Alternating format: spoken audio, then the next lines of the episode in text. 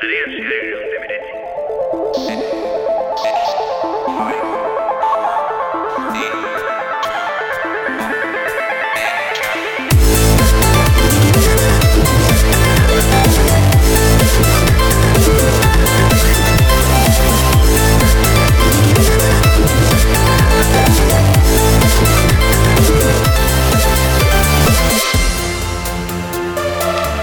Ekainan murgilduta gaude, temperatura leunak ditugu, eguzkia atera da, eta enpresek bere aurkezpenak egiten hasi dira urrian, azaroan eta e, urtearen azken txampan ikusiko ditugun produktu eta zerbitzuak aurkeztu. Soiek izan dira haien artean bideojokoen enpresak aste honetan zehar asteburuan eta baita urrengo astean e, aurkezpenak egingo dituztenak eta e, Apple ere bere aurkezpena egin e, du de garatzaileen konferentzia irekita, ba, e, hainbat aurkezpen egin ditu bere sistema operatiboen e, arloan.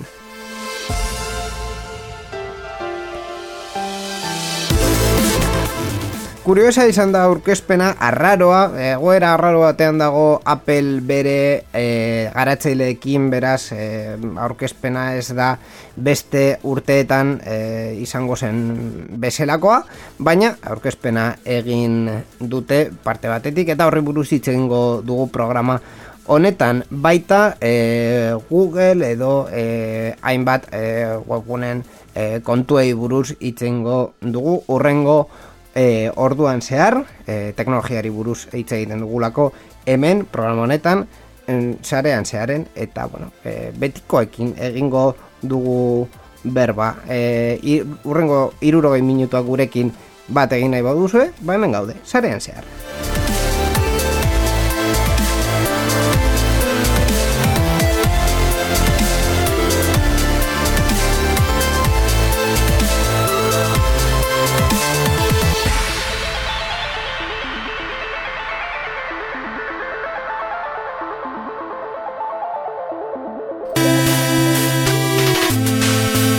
Sarean zearen parte hartu nahi duzu? Gure berriak iruzkin du? Ekitaldi bat kontatu? Gure hankasartzeak kritikatu? Erantzuna positiboa bada, bidali ezazu email bat. Info abildua sareanzear.eus Gure whatsappa 6 sortzi sortzi 6 sortzi 00 sortzi bederatzi da. Telegram ere daukagu 6 sortzi sortzi 6 sortzi 00 sortzi bederatzi. Gure Twitter eta Facebookeko profiletan idatzi dezakezu ere. Eta ez ahaztu gure asteko agenda. Informazio guztia sareanzear.eus webgunean zuen mesuak itxaroten ari ditugu. Ah, bai? Bai.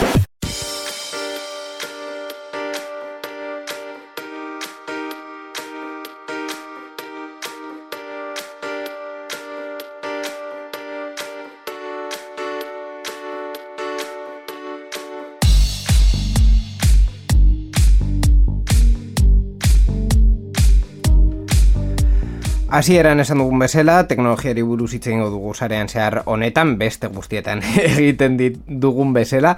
E, baina gaur Apple tartetxo handia hartuko digu e, astearen lehenengo e, partean, haien e, aste izan delako azkenean e, aurkezpenak eta bueno, garatzailei e, bideratutako ekitaldi hori, antolatu duterako. Eta hori guztiari buruz, eta beste gauza batzoi buruz hitz egiteko, nirekin mm, bi astean behin bezela, hemen daukat, Borja Arbosa, Arratxaldeon. Arratxaldeon, Iego. Zer moduz ikusi duzu orokorrean astea eta gertatu direnak? Bueno, gertatu direin bat gauza, Apple mm, alde batera utzita, baina batez ere, ba, programa honetan esan duzun bezala, pizkat konzentrazioa jarriko dugu Appleen mobidetan, Appleek aurkeztu dituen hainbat gauzetaz komentatuz, baina, esan dudan bezala, beste gauza interesgarria gertatu dire ere? Eh? ba, horiek eh, ikusiko ditugu programa honetan.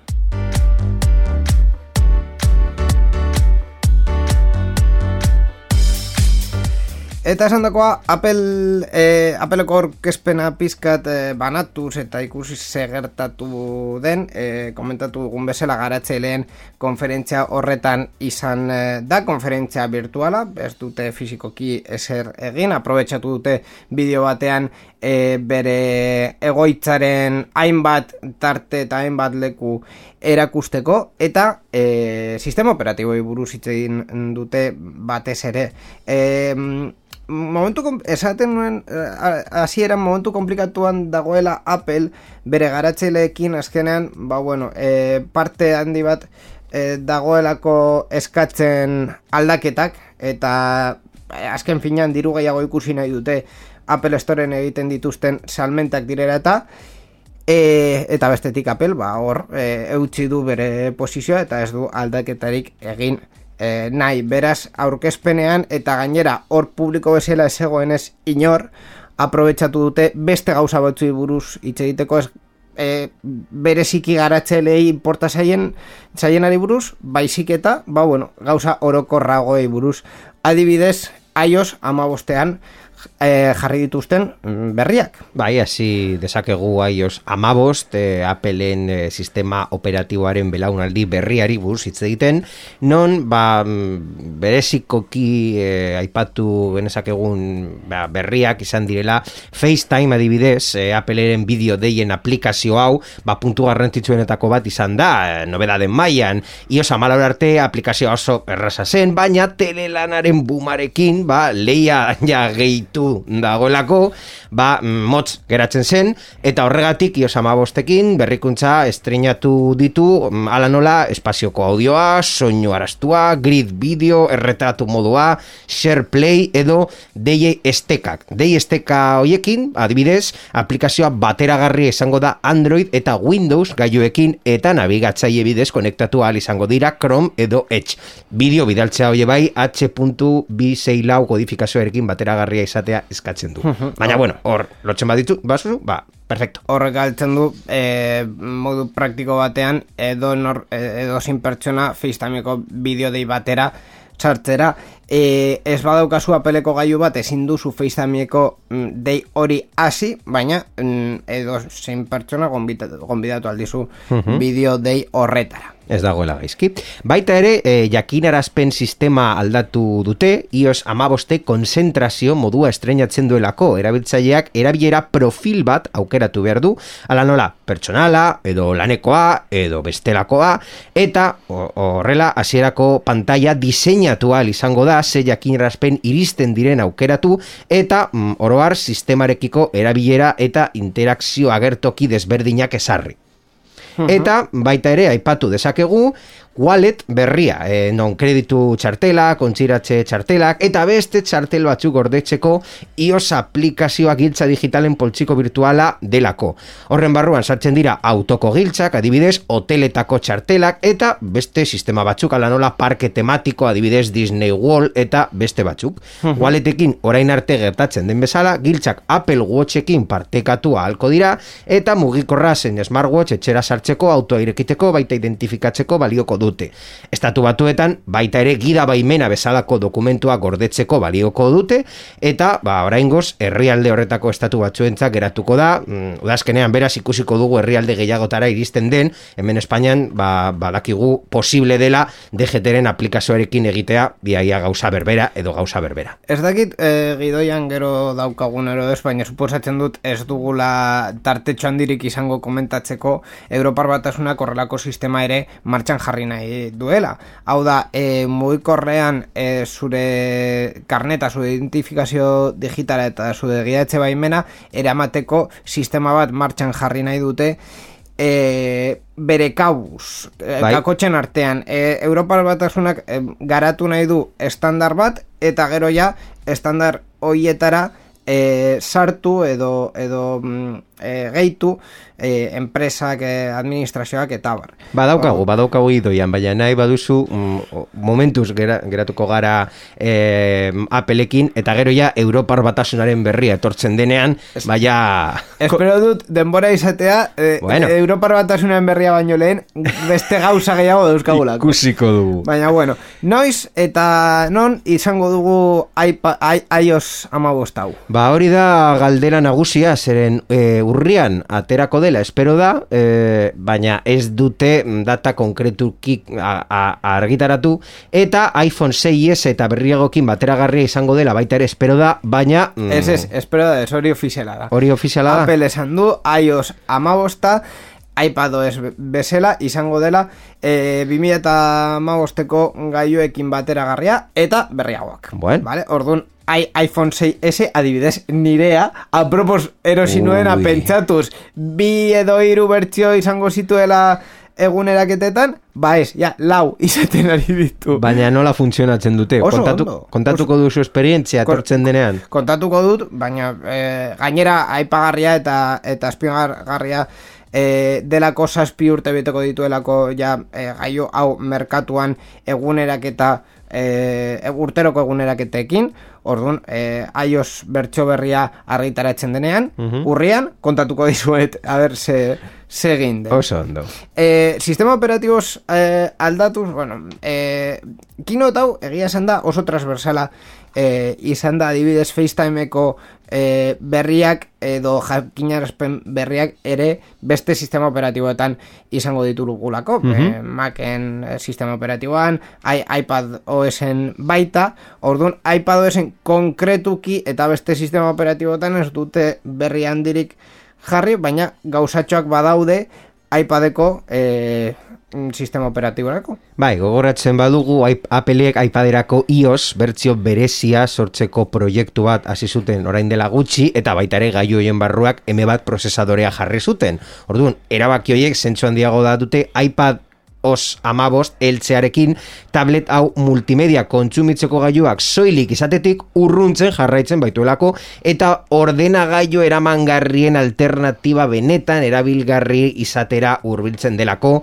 multitarea funtzionago betuta, teklatu laster bideo osoagoak eta zure gaitasunaren kodea baita ere zuzenean idaztearen hobekuntzekin. Bai, hori azkenean, e, ba, bueno, e, bideratu dute iPad OS hori, e, ba, ordenagai txiki bezala funtzionatzeko.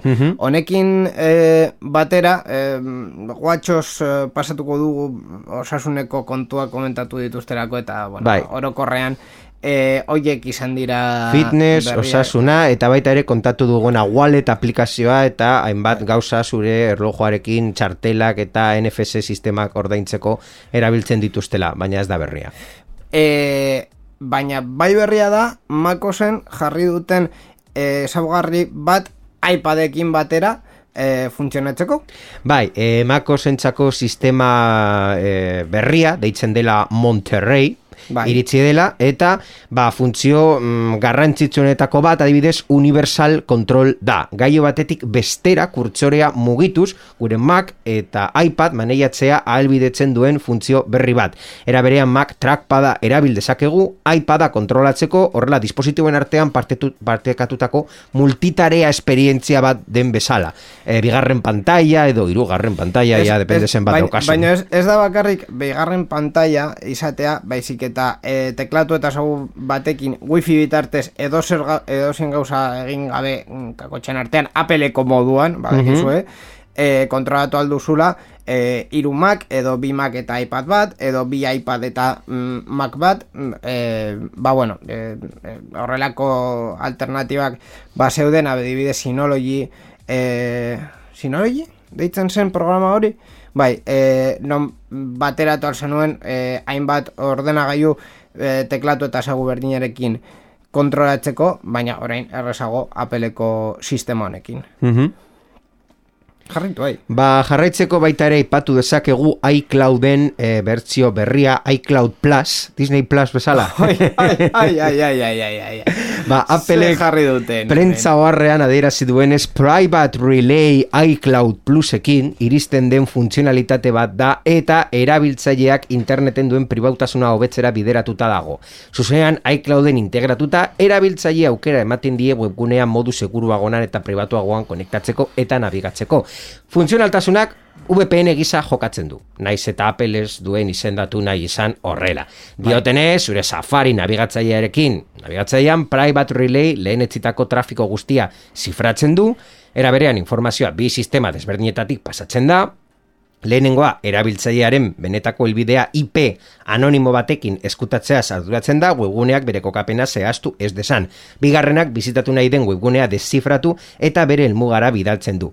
Sistema horiek, ba, erabiltzaileak hobeto babesten ditu, beren hortasuna eta interneteko kokapena VPN batek egiten duen ia mm, gauza bera. A ber, eh, Baina V- gian personalizazio funtzio gutxiagorekin adibidez, ezin baitugu gure kokapen aukeratu. Ba, en zuzen ere, Eh, hori da VPN-eren erakargarritasun handia hor- bat. Hori da kontua, azkenean VPN hauek e, VPN deitzen dela bere Virtual Private Network e, azken urteotan ikusi dugu e, ba, bueno, ba, famatuak egin direla enpresa askok erabilatzen ari dituzterako e, enpresarako e, sarera konektatzeko Eta horretarako erabiltzen da normalean. E, zu beste sarean egonda, e, zure enpresa edo zure bulegoaren e, sarera konektatzeko. Eta modu seguruan e, errekurtsoak partekatzeko.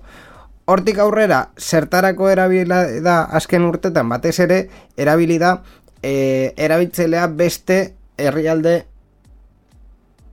ba, beste herrialde batean eh, kokatzeko, despistatu naiz, barkatu. Beste herrialde batean Bai. kokatzeko. Ordun horrekin adibidez ikusi dezakezu Holandako, imaginatu Holandako Netflix eh, Netflixeko edukiak Espainiatik. Bai, edo eta hainbat aplikazio atera dira horrelako sistemak egiteko.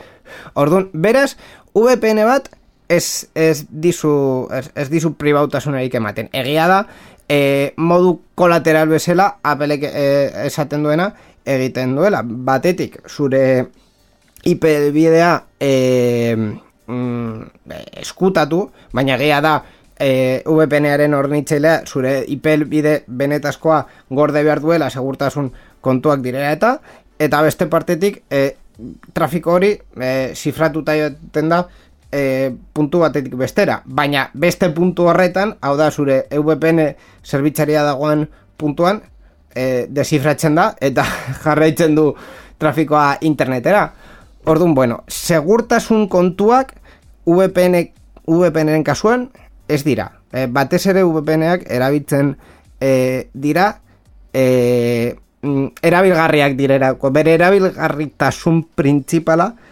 e, izateko, baina segurtasun kontuak ez, ez dira. De hecho, e, urte askotan e, ikusi dugu nora e, VPN sistema asko e, puskatu direla eta hortik datuak e, hartu dituztela. Orduan, ba bueno, suposatzen da edo imaginatzen da hobeto esan da Appleko sistema hau e, VPN bikoitz bat dela, hau da VPN bat beste batera konektatzen dena eta jazta. E, baina bueno, egia da opera bere momentuan ere berdin egin zuen, e, egin zuela, VPN sistema bat jarri zuela defektuz bere nabigatzailean. Hala ere, e, funtzionalitate hau polemika pizkatxo batekin etorri da, Bueno. aukera hori ez dela eskuragarri egongo Txinan, eta Saudi Arabian, Bielorrusian, Kolombian, Egipton, Kazajistanen, Egoafrikan, Turmenistanen, Ugandan eta Filipinetan ere, eta horrek agerian usten du Asiako erraldoiak apelen operatzeko eskatzen duen mesedea. A ber, e, nola kontatu aldizuet. E, txinari esaten badiozu begira, e, Appleko gaiu guztietan defektuz egongo da aktibatuta VPN bezalako zerbitzu bat dena e, e, e, beste edonork ez jakiteko erabiltzaileak segiten duten. E, Txina esaten du, bueno, ba, ate hori, ikusten duzu ate hori, hortik. Irten, punto, Bai, fuera. Baina, baina kuriosoa da, zeren Apple pribautasoen arloan duen jarrera, ba oso importantea edo oso potentea edo adibidez, esan dezakegu, e, Baina- est- estatu batuetan oso fuerte jun direla gobernuaren aurka, e, Bai. beren erabiltzaileen eta bezeroen pribautasunaren alde, Bai. eta mm, txinan, ba, gauza guztiz desberdina da. E, Claro, eskatzen duten, dutenean hor pribautasuna jar, esartzea, Appleek esaten du, ba, ziboana. Claro, al, aurre aldaketa bat eh, dago. Eh, Txinan, eh, legeak eh, gauza konkretu batzuk esaten ditu, eta haien artean herritarren kontrola legean daukate, orduan, zu, ez bau duzu Bai, bai, bai. legea jarraitu nahi Txinan, ba, ez joan Txinara.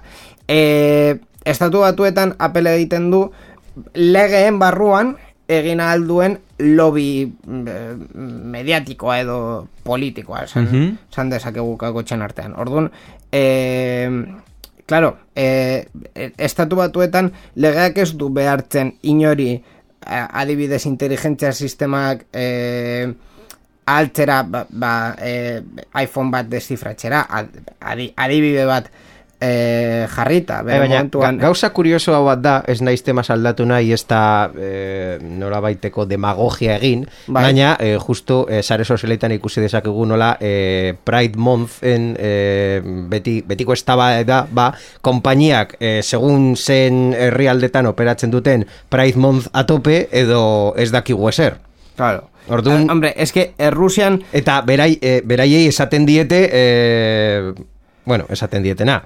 Claro, eh, es que, eh, adibidez, eh, kaso horrekin... Interesados, edo... Kaso horrekin... Hipokritas, edo... Er, Errusian eh, operatzen baduzu, ezin duzu eh, ar, arrotasun bai. edo egin eh, Rusian... Eh, debekatuta dagoelako eta txilotzen zaitu estelako bai. E, bai, eta enpresa e, ba, herrialdetik bota aldutelako bai. eta gero beste konsekuentzia eh, hainbat eta hori guztia hori eh, kritikatzen da hori kritikatzen da baina normala da parte batean normala da zu ez duzurako zure enpresa herrialde batetik kaleratu nahi hmm. beste kontu eta enpresa basaela, es aktivismo horretan sartu Baina, bueno, baita ere esan alduzu, bale, ba, orduan beste lekuan ez egin egiten duzulako marketing moduan. Edo bai, edo ez, edo alduzu egin, edo ezin duzu. Edo, edo herrialdetik, edo adibidez arrusiatik. Osa da, nahi duzu baina ezin duzu, edo alduzu, edo egiten duzu dirua ematen duelako.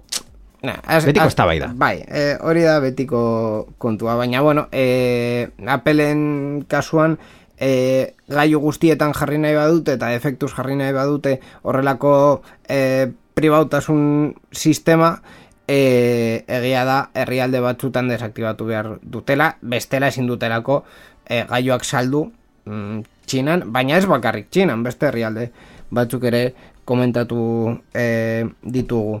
E, birpaso, egin dugun birpaso honekin, badirudi ez dutela e, garatxelei buruz eser aurkeztu, gauzatxoak aurkeztu dituzte, baina mm, e, aurkezpen nagusian iaz dute eser, eser jarri eta gainera komentatu duguna. Watch os e, tarte hori izan da pasaden e, aurkezpenaren replika berdina, kopia pega. ia, ia. Galdera da, norentzat egiten diren aurkezpen hauek, ja, jadani jakinda aurkezpenak ez direla fisikoak, edo nor sartu aldela ikustera. Orduan ja, zure publikoa ez da bakarri garatzeleak, hor zure anfiteatroan daudela, eh, ba, bu, ba. Claro, ez que ez da, ez da zure Zema publiko eta zenbat erabiltzaile ikusten ari zaituzte momentu honetan. Claro, hori, hori da kontua. E, streaming bidez ezin duzula e, mm, manaiatu edo edo esan konkretuki zenbat diren garatxeilek eta zenbat ez diren e, garatxeilek. Orduan, e, uste dut aurkezpen zabalagoa egin dutela, pentsatuz publiko orokorra dagoela hor be, beste aldean. E, baina gila da ere e, Apple eta garatxeilen erlazioa lehen komentatu duen bezala nahiko arraro dagoela momentu momentu honetan. En fin. Uste dut eh, ja bukatu aldugula ez, ez daukagula Apeleko tartearekin Apeleko bai, tartearekin, bai. E, berri guzti hauek e, urrian aurkeztuko bueno, urrian karledatuko dira Joseko bertso berriarekin eta uh -huh. e, iraia urrian gutxi gora bera e, ziurrenik egingo duten e, iPhone e, berrien e, aurkezpenarekin batera e, betaia kaleratuta e, kaleratu dute hobeto esan da, orduan e, apeleko garatzeileak basarete edo garatzeileak kontuak badaukazue, e, frogatu alduzue iOS amabost hau, edo bestela, urrira e, itxoin.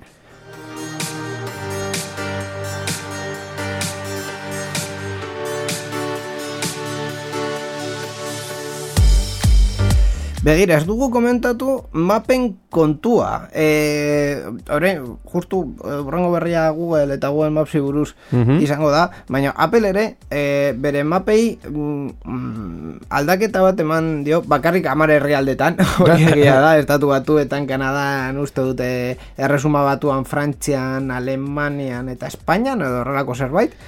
E, baina, e, bertso berri bat, e, egiten ari dute, non lehenik eta bain irudeko e, edifizioak daude, hori oso ondo dago, baina mm, edifizio e, konkretu batzuetan egin dute ez e, Google egiten duen bezala e, irudi, irudiekin egiten duena baizik eta e, oza, irudeko forma ematen dio baina iru, e, e, maparen irudiekin baizik eta apeleko kasuan egin dute e, ikonotxoekin. Orduan, e, estatu batuetako hainbat leku e, konkretuetan e, e, marrastu dute.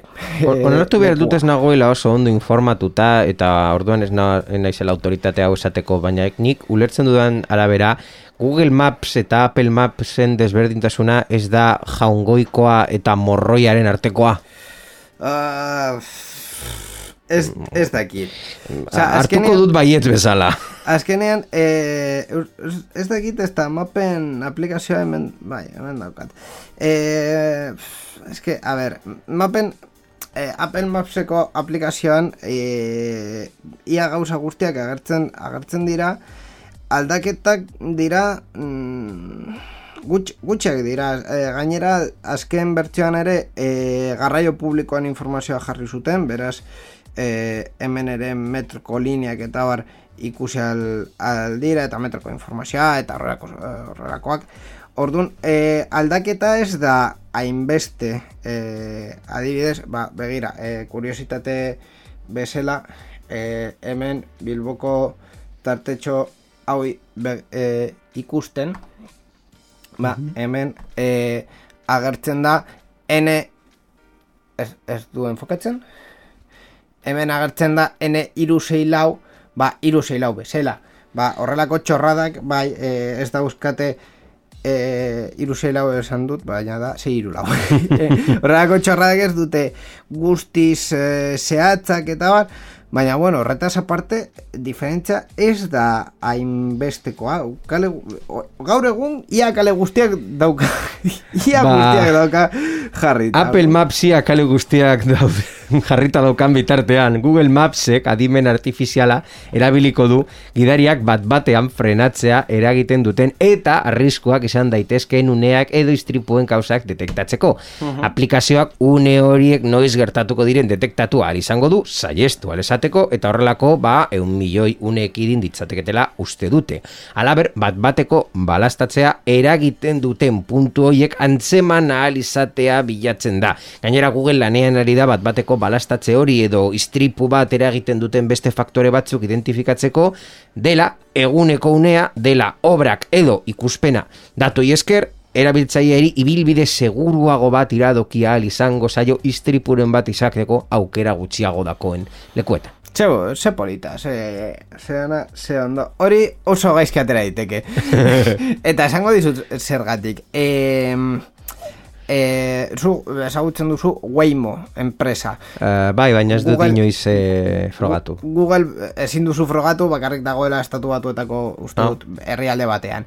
E, Google, Google martxan jarri zuen bere e, taxi robotikoak, ah, bai. gidaririk gabekoak, eta taxia bera e, bere kabuz egiten ditu e, mugimendu guztiak. E, claro, estatu batuetan bat, e, superficie oso handiak dituztenez, e, kasu askotan, dauzkate e, kale oso zuzenak eta oso luzeak, eta gero eskuinera edo eskerrera e, joateko e, e, karril e, auxiliarrak edo. Uh -huh. e, ari zaio, azken, e, azken hilabetetan guaimoko e, adimenari bai. detektatzen duela e, bide zuzen batetik joatea arriskutsuagoa dela e, azkarrago jaten delako eta e, eskerretik edo eskuinetik sartu aldirelako e, beste auto batzuk.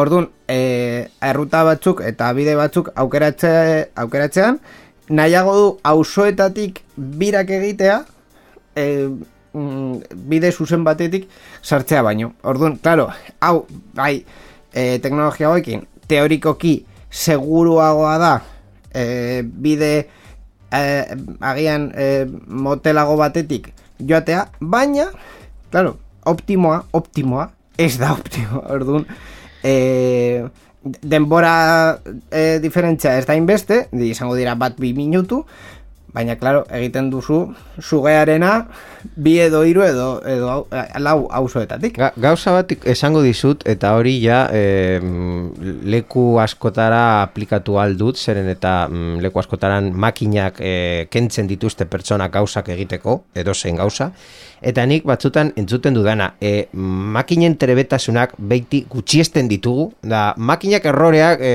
akatzak egiten dituzte, bai, baina zenbat akatza egiten dituzte pertsonak.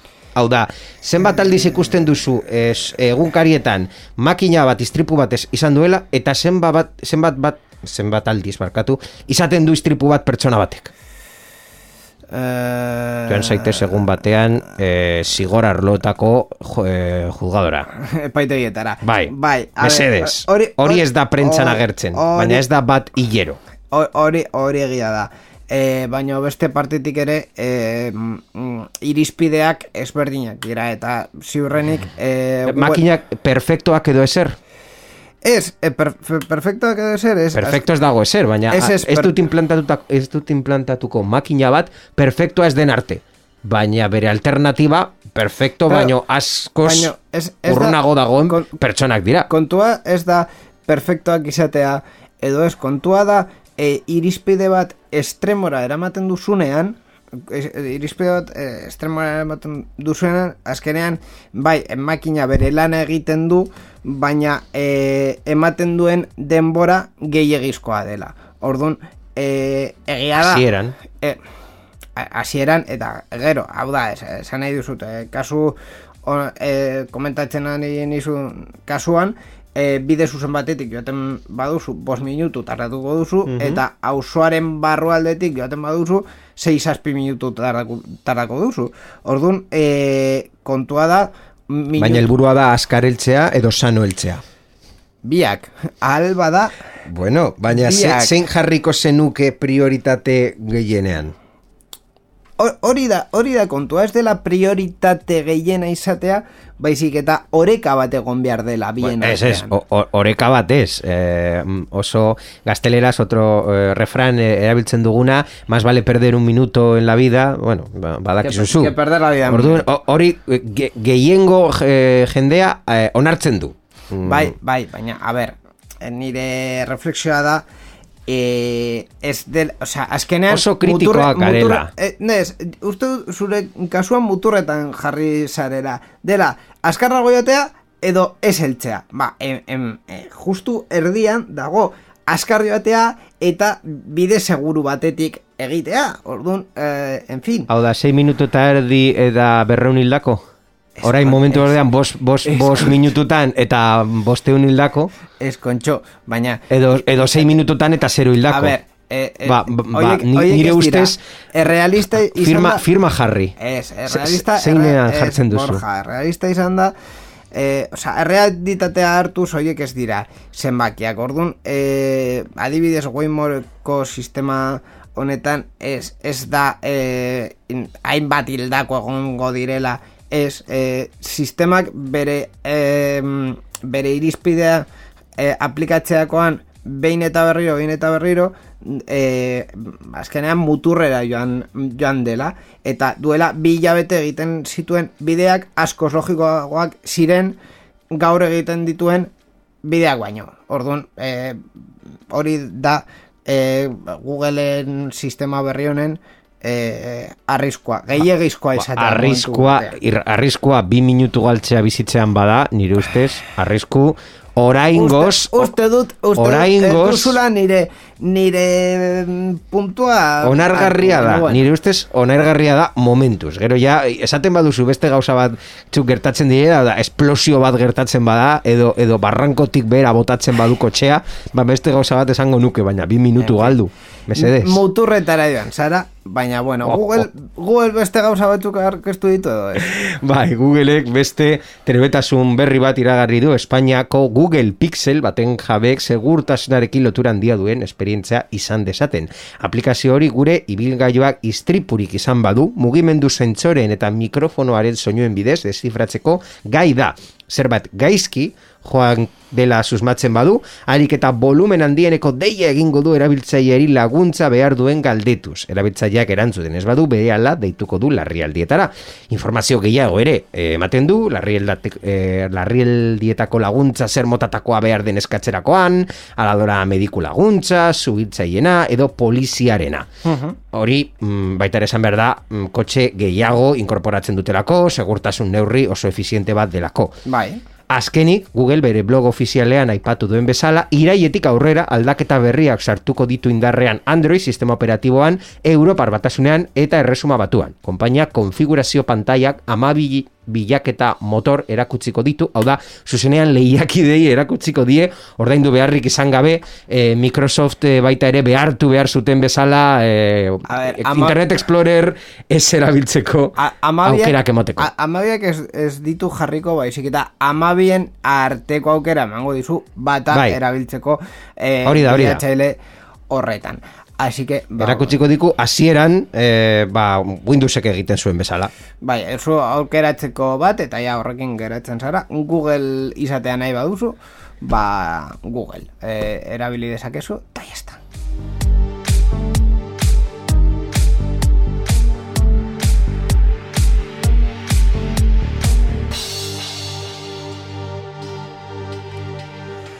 Azken astean izan dugu ere e, agian asteko edo hilabeteko edo esan nuke urteko ordurik komplikatuena. Bueno, nire txatez, egia esan da, baina ba, egon da e, jende asko e, arazoak izan zituela e, pasaren astelenean, usten dut izan zela, e, kainaren sortien, ez, aste artean, pasaren aste artean, e, Bai. Eh, ordu horribiliz bat izan bai. zuten. Ordu betez mundu mailako eunka webgune erorita eh, izan, dira eta eh, bueno, arazoak ba, mm, amabi justu Euskal Herrian, kon gutxienez Euskal Herriko ordu bia, eh, ba, ez ordu biak, amabiak.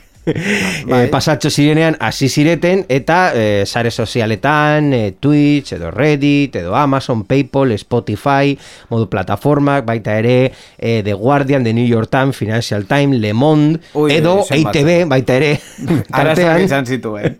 Arazoak izan zituen. Errudun nagusia edo errudun bakarra izan dago e, kaos honetan. Content Delivery Network, e, beren sigletan CDN CDN Fastly izenekoa. CDN bai. zertarako erabiltzen da, geografikoki banatutako zerbitzari zareak dira, web horriei beren edukiak munduko edozein lekutan askar eta modu seguruak entregatzen laguntzen dietenak. Hau da, bai. egunero nabigatzen dugun horri asko leku fisiko bat, bakar batean kokatuta daude, eta beraz bertara sartzeko daukaten guztia bere zerbitzaritik gure gaiura bidali behar e, dituzte, eta bata bestearen gandik zenbat eta urrunago egon, orduanetan diagoa da kargatzeko denbora eta are okerragoa erabiltzailearen esperientzia. Hori da. Ba, Fastliren beherakadak hagerian utzi du telekomunikazioen funtsesko puntu batean hornitzaile bakar baten mendekotasuna erabakigarria izan daitekela hornitzaile horrek modu masiboan utzi egiten badu. Webune horiek dituzten zerbitzaria kontuan hartu gabe, ba, esan dugun bezala, bere propioak, baita ere Amazon Web Service, Azure, Google Cloud edo beste batzuk guztiek funtzionatzeari utzi diote Fastly erori egin delako. Ba hori da gutxi gora bera kontua. E, azkenean e, CDN horrelako e, zerbitzuak e, Amazon Web Service ere eta beste batzuk emate akamai duela urte asko errege izan zena e, horrelako sistemak e, implantatzen e, arazoa azkenean da e, ornitzaile batean edo bi edo irutan e, jartzen badugu interneteko e, zerbitzu guztiak eta Amazonekin gertatzen ari da Amazon Web Service e, zerbitzari asko eta asko daukalako eta e, webgune asko mm, ez nuke esango internetaren gehiena baino gutxi gora bera.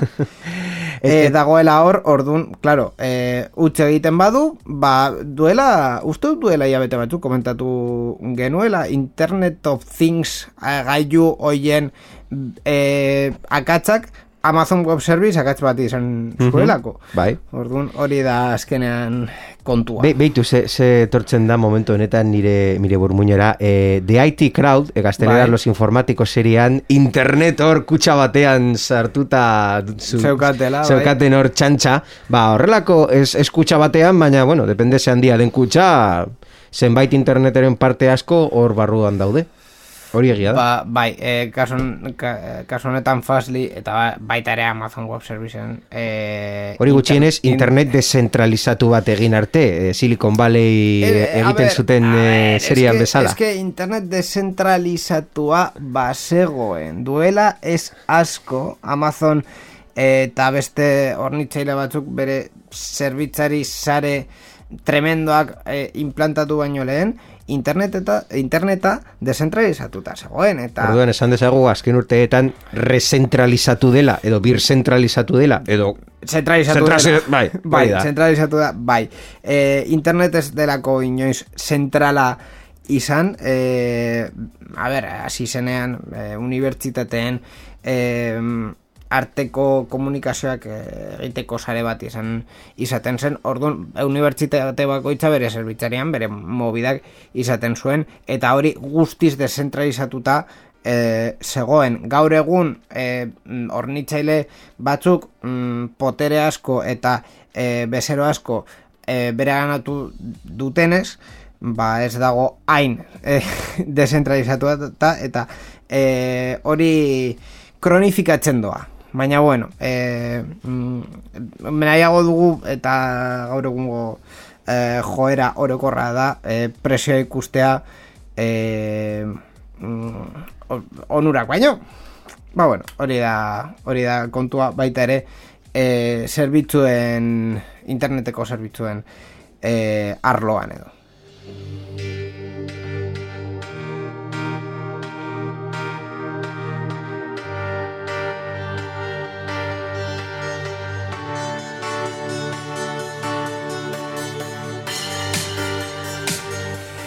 Bi berri gehiago formatu luzean komentatuko ditugu, baina ez oso luzean, bata COVID ziurtagi digitalaren eh, hasiera. Mhm. Bai, eh, jarriko dute justu en, e, e, e, egun batean edo aste batean, ziurtagirri horik QR kode bat du eta aukera emango du sendagaien Europako agentziak onartutako txertoetako batetin txertatuta gaudela edo arriskurik ez dakarrela egiaztatzeko azken zei hilabetetan virusa gainditu dugula edo PCR batean, irurogeita mabi ordu edo antigenoen test batean, berrogeita sortzi ordu, negatibo eman dugula erakusten baituelako. Ikusten baduzue ez dugu eh, pasaporte hitza eh, esan, pasaportearen kontua baztertu duelako eh, Europar batasunak, eta orain bilatzen dena da ziurtagiri digital bateratu bat Bai. egitea. Hau da, hiru kasu hauetan, PCR antigenoen testa edo eh, bakunazioa e, jaso baduzu e, formatu bateratu bat izatea guztiok erreko, e, izateko ba, bueno, ziurtagiri berdina, datu berdinekin Mhm. eta e, gutxi gora bera garantia berdinekin Osasun eskumen hauek autonomia erkidegoen eh, esku daude eta eh, momentuz ez dut ikusi hemen eh, Euskadin zer egingo duten edo nola egingo duten, baina esan behar da horrez gain osasun ministerioak webgune espezifiko bat sortu duela COVID ziurtagiri digitala eskatzeko. Bai. Beren egoitza elektronikoaren bidez, eh, ba, sartuz beren webgunean dokumentu hau deskargatu ahal izango dugu. Ziurtagiria eskuratzeko bi aukera ditugu, ziurtagiri digitalen bidez edo Ezabatu, ezabatu. eh, Eza- ezabatu, klabe iraunkorra eta autofirma hau ez delako Euskadin eh, gertatuko. Ez ez hori da, estatuerako Bai, webgunean. eh, Bai, ba, baina badakizu estatu mailan gauzak eh, bide batera joaten direla, e, Euskadin ziurrenik e, ziurtagiri hau jarriko dute osasun karpetan, Mhm. ordun osasun karpetara sartzeko, eskuratu baku edo zure ziurtagiri digitala izenpe puntu, eh, eusko webgunean. Bai, baina hori ez badago, ba, eh, baita ere ziurtagiri digital baten bidez, zure nan elektronikoa edo Bai, FNMT batekin, edo baita ere, momentuz, Espainiako webgunera juten basara, klabe iraunkorra eta autofirma programaren bidez, Bai, bai. egin daiteke. Baina, baina esan dakoa, Momentuz. Euskadin bizi basara ziurrenik autofirma firma eta klabe permanente eta besako dizo, e, ez daukago eser. Vale, hori egia da. Baina, Arrela Bueno. direla gauzak, ba, borja. alden modura, Eta barruan gaudenean, hiru ziurtagiri motetako bat aukeratu izango duru, txertatuta gaudela, edo COVID-19 pasatu dugula, edo duela gutxi test bat egin dugun kontuan hartuta.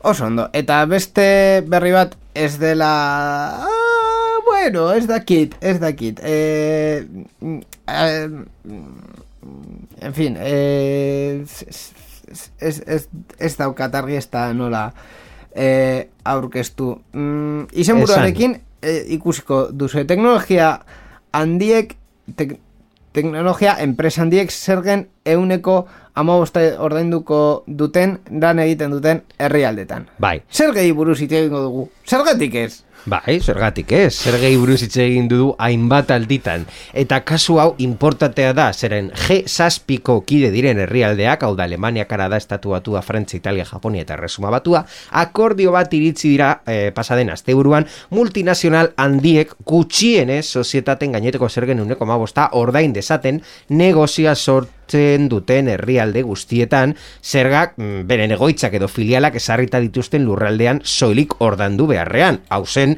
beren sistema orain arte. Gainera, jesazpiko kideek esarri dute zergaren eunekoa handiagoa izango dela, euneko hogeikoa, enpresaren irabazi margina herrialdean euneko amarretik gorakoa denean. Hau da, euneko magosta minimo bat da, baina gora joan alda, zeren dakizu, dakizunez, edo dakigunez askok, hemen adibidez Espainian, eh, sozietate tipo mm, arrunta, digam, eh, esan, esan badugu horrela, eh, euneko geia delako. Ordun, Europar batasunak ari hori hartuta, Europar batasunak jarduten duten eta bi ekitaldian jarraian zazpireun da berrogeita hamar milioi euro baino gehiago fakturatzen dituzten enpresak edo subsidiarioak txosten publiko bat aurkestera behartzeko ituna egin eta egun gutxira e, eginda akordio hori. Txosten horretan lortutako irabaziak eta ordaindutako tasak herrialde herrialde adierazi behar dituzten. Eta mm, behera jun e, Espainiako gobernuak estatuko aldizkari ofizialaetan argitaratu du artikulu gehigarri batzu gehitu zaizkiola zenbait zerbitzu digitalen gaineko zergari buruzko legari Google tasa izenaz eragutzen denari multinazional teknologikoek zerbitzu ematen dieten bezeroen miaketa optimizatzeko. Neurri horiekin Espainiako zerga administrazioak zehatzmea jakin nahi du zenbat bezero dituzten teknologia handiek gure herrialdean, gure mugen barruan benetan ematen dizkieten zerbitzuen tasa hau kobratzeko. Google tasaren legea zabaltzeak zehazten du zerbitzu digitalak zergapetzeko non eman diren zehaztu behar dela. Eta hemendik aurrera zerga aplikatzen den lurraldean egindakotza joko direla erabiltzailea bertan fizikoki dagoenean. Horretarako gobernuak adierazi du bezeroen gailuak geolokalizatzeko teknologiak erabiliko direla. Ba, hori azkenean izango da edo e, itzulpena izango da e, mm, e, urt hilabete gutxitan ezingo duzula jaso Spotify A, B er, erberetan dagoen enpresaren e, faktura, baizik eta Spotify Spain SA horreako zerbait fakturatuko dizu zure Spotifyko e, akontuaren arpidetza haiek behartuta dauderako hemen zergak e, Horrela da. Eta hau guztia komentatuta, guazen e, ordenagailuak usten badit, guazen berri askarretara. Berri askarrak, sarean zehar. Eta lehenengo berri askarra, Lehenengo berri askarra Ikea bere arpidetza eredua ekarri du Espainiara Renchesteren eskutik altzarien alokairurako. Renchester hau bi Espainiarrek sortu duten enpresa bat da, altzarie alokairuan oinarrituta, altzarien Netflix moduko bat, balitz bezala, eta Furnish bezalako beste herrialde batzuetan zeuden beste zerbitzu batzuen antzera. Akordio horriekin orain Ikeako produktuak hainbak arpidetza ereduen bidez alokatu daitezke nahi den denboraren arabera. Ze denbora? Ba, hilabete batetik hogeita masei hilabetera bitartekoak izan aldira, oda hilabetetik hilabetera arte, ondoren amazortzi, hogeita lau, hogeita masei hilabetera jauzi egingo da. Beraz, zenbat eta denbora gehiago kontratatu, orduan eta txikiagoa izango da hileko artikulu baten alokairu presioa. Oraingoz, Madrilen, Bartzelonan, Valentzian eta Malagan dago zerbitzua eta espero dute urrengo urteetan bestera eramatea. eta kuota ez baduzu ordaintzen zure etxetik eramango dute sofa, komoda, oea eta guzti guztia. Urrengo berria WhatsAppi buruz. Bai, WhatsApp amore eman du zerbitzua erabiltzen jarraitu al izango duzu pribautasun politika berria onartu gabe. Gogoratzen badu WhatsAppek pribautasun politika berria onartzeari uko egiten zioten erabiltzaientzako zerbitzuaren funtzio nagusiak balio gabetzeko mehatxua egin zuen nazioarteko erreakzio negatibo baten erdian, atzera pausuak ja emateko, eta atzera pausu ematen dute, orain ja murrizketak ezabatzen hasi dira oraingoz behintzat. Hala ere, Telegram eta Signal aurkarien mesularitza plataforma gorakada izan dute deskargetan, WhatsApp pribautasun politika berria onartzeko epe muga iragarri zuenetik. WhatsApp pribautasun politika berria bertan bera usteko edo bere esarpena mugatzeko presioa egin dute hainbat agintari federalek eguneratzeak datuak babesteko tokiko araudiak urratzen dituela argudiatuz. Bueno, badakizue orduan, eh, WhatsApp erabiltzen jarraitzeko ez duzuela ez ere egin behar, eta WhatsApp ez erabiltzeko are gutxiago. Eta azkenik, dibortzioa izan dugu eBay eta PayPal baratu dira, zurgatik! Bai, bai, baina bai, bakarrik saltzaieko baimenik. Hau da, saltzaile zoirik eragingo die horrek eta erosleek PayPal erabiltzen jarraitu al izango dute dendan ordaintzeko. Baina, esan dugun bezala, saltzaileek ezingo dute dirua PayPalen jaso bankuko kontu bat eman beharko dutelako. Hori, eragozpen bat da, askorentzat PayPalen kontua duen jendea, baitago bankuen kontu ez duena. Horregatik ez darritzekoa saltzaile asko ibeiren aurkako boikota egitera animatzen aritzea. At, eh, esto, esan duzu PayPal eh, kontua daukatela eh, bankuko kontua izan gabe, hori legalki ez da posible, teknikoki bai, baina legalki eh, Bueno, legalki ez. ez, ez, ez dakit, ez zergatik, ez da posible. Eh, PayPalekoa kontu bat egiten Eh, duzunean Espainian gutxienez, eh? Legal PayPal- ja depende ze herrialdetan. PayPalekoa kontua egiten duzunean eskatzen dizu bankuko akuntu bat Eskatzen dizu verifikatzea, eta hori, bueno, bankuen, bai, ez dakit beste modu daude, baina Gero, bueno. gero kendo alduzu edo zure dirua inoiz Baina, ez eramatea bankuko Kuriosoa, badakizu zer egin duen hau ibei, ez du egin legearen, de legea dela eta, edo mehatxu ofizialak direla eta, edo administrazioa, edo, edo, edo isunak, edo ezer. Aldaketa egiteko gakoa da PayPalek komisioa kobratzen zizkiela erabiltzaileei salmenten dirua jasotzeagatik eta zati horretatik ebai ez zuen dirurik ikusten salmenten komisioekin bakarri geratuz. Horregatik PayPaleko komisioa kenduta saltzaileek diru gehiago jasoko lukete eta ibeiri ordaindu. Amigo Hor dago benetan Poderoso caballero. Ah, Hori da, hori da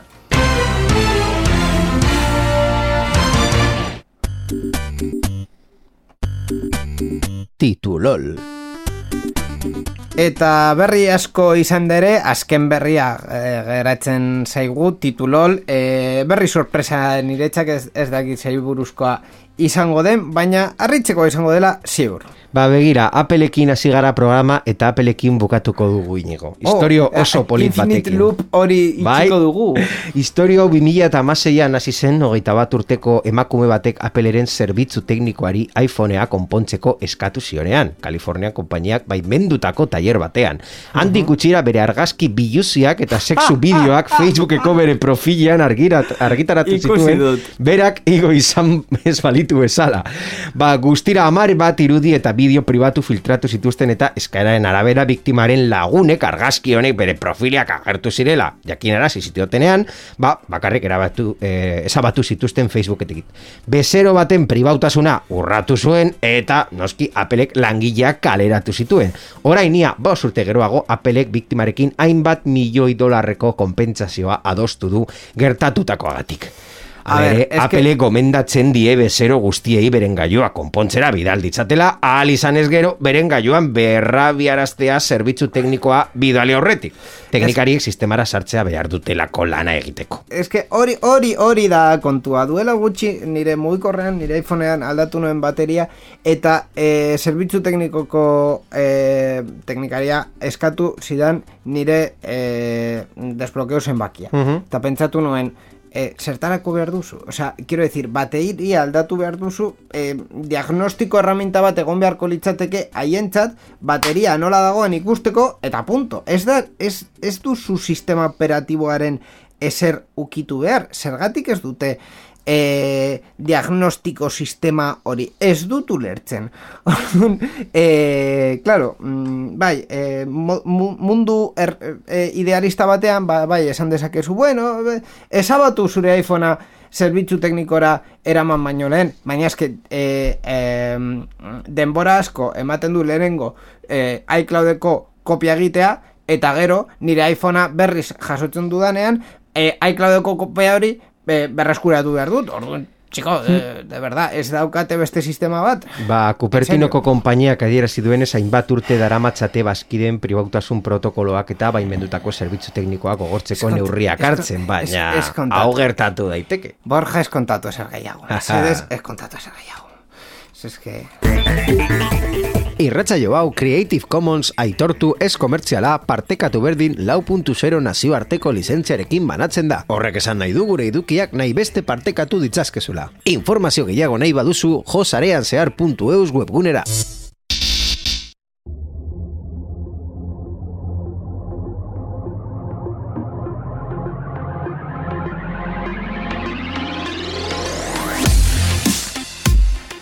Ba, hona inoldu da zarean zehar irureunta emeretzi hau, Borja, azken parte honetara gombidatu zaitut, edo bultzatu zaitut hobetu, hobetu esan da, e, esateko edo galdetzeko e, urrengo programan. Bueno, urrengo programa aurreratu behar dizut, e, bideojokoen atala izango dugula, e, azte burunetan eiruak eman e, duena komentatzeko baina azke urrengo programa denboraldiaren azkenengo programa da. Bai, ekainan bukatuko dugu denboraldia e, ba, burgesa bihurtu garelako, baina galdera garrantzitsuena da urrengo denboraldian, iraian edo urrian, urrengo denboraldian, zarean zehar gehiago izango dugu? Itxoin beharko dugu azken programar arte. En fin, Borja Arbos eskerrik asko gurekin egoteagatik eta berriak ere ekartzeagatik eta bi aste barru azkenengo demoraldiaren azkenengo programan e, gurekin egongo zara ere. Eskerrik asko zuri inigo eta entzule guztiei beti bezala urrengo programar arte. Baita eskerrik asko, e, berkuspen teknikoan egon den pertsona horri Mikel Carmona izan dena, eta irratietan dauden ekoizpen eta teknikari taldei e, programaren emisioa posible egiteagatik, eta baita zuei ere gure entzulei e, saio hau entzuteagatik. E, urrengo saioa bi, bi aste barru izango da, baina bitartean, zarean zehar puntu eusen gaude, baita Twitterren, eta ya está eh, bi, eh, mm, bi aste hon izan eh, gozatu, disfrutatu egin gauzak eta eta horrengora arte. Aio